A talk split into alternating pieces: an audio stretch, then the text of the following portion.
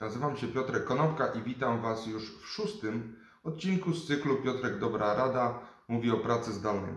Jak zwykle kubeczek jest, tym razem jest to herbata.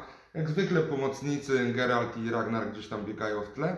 A to, o czym dzisiaj chcę powiedzieć, to jest wydajność. Wydajność, ale liczona pod względem pracy zdalnej i pracy stacjonarnej, czyli dlaczego dupo godziny już przestały się sprawdzać. Jakiś czas temu rozmawiałem ze swoim kolegą, który ma dosyć dużą firmę, zatrudnia około 40 osób. Jak oprowadzał mnie po biurze, pokazał mi taki open space, pokazał ręką i mówi: Zobacz, Piotrek, oni wszyscy pracują i ja widzę, że jak oni są na, w biurze na miejscu, to oni pracują.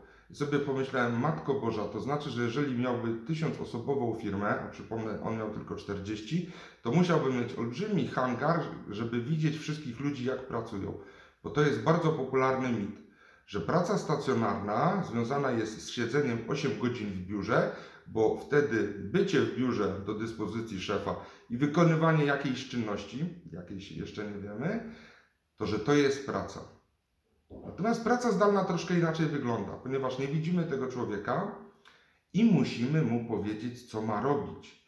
To znaczy, musimy go rozliczyć z jakiegoś wyniku, z jakiegoś wskaźniku. Mordor na Domaniewskiej bardzo mocno rozpropagował KPI. -e.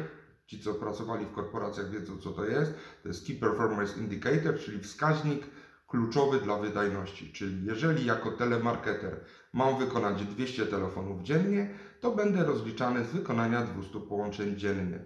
Nieważne, czy te połączenia będą wykonywane przez 3 godziny, czy przez 16 godzin. Moim targetem jest wykonanie 200 połączeń dziennie. W pracy zdalnej musimy ustawić KPI -e dla, właściwie dla wszystkich czynności, ponieważ ciężko zmierzyć to, że ktoś pracuje 8 godzin i jaki jest rezultat tej pracy. Każda czynność, każdy proces, każde zadanie powinno być opomiarowane.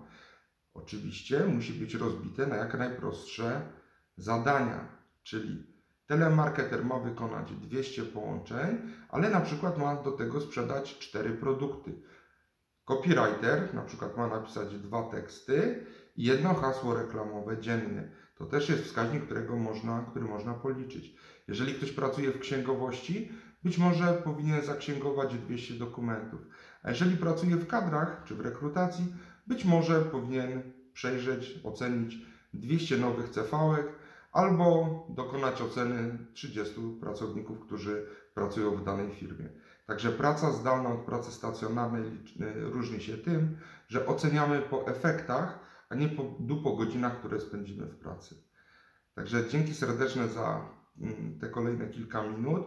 Jutro opowiem o onboardingu. To jest trudne słowo, a na razie dzięki serdeczne i do usłyszenia i zobaczenia jutro.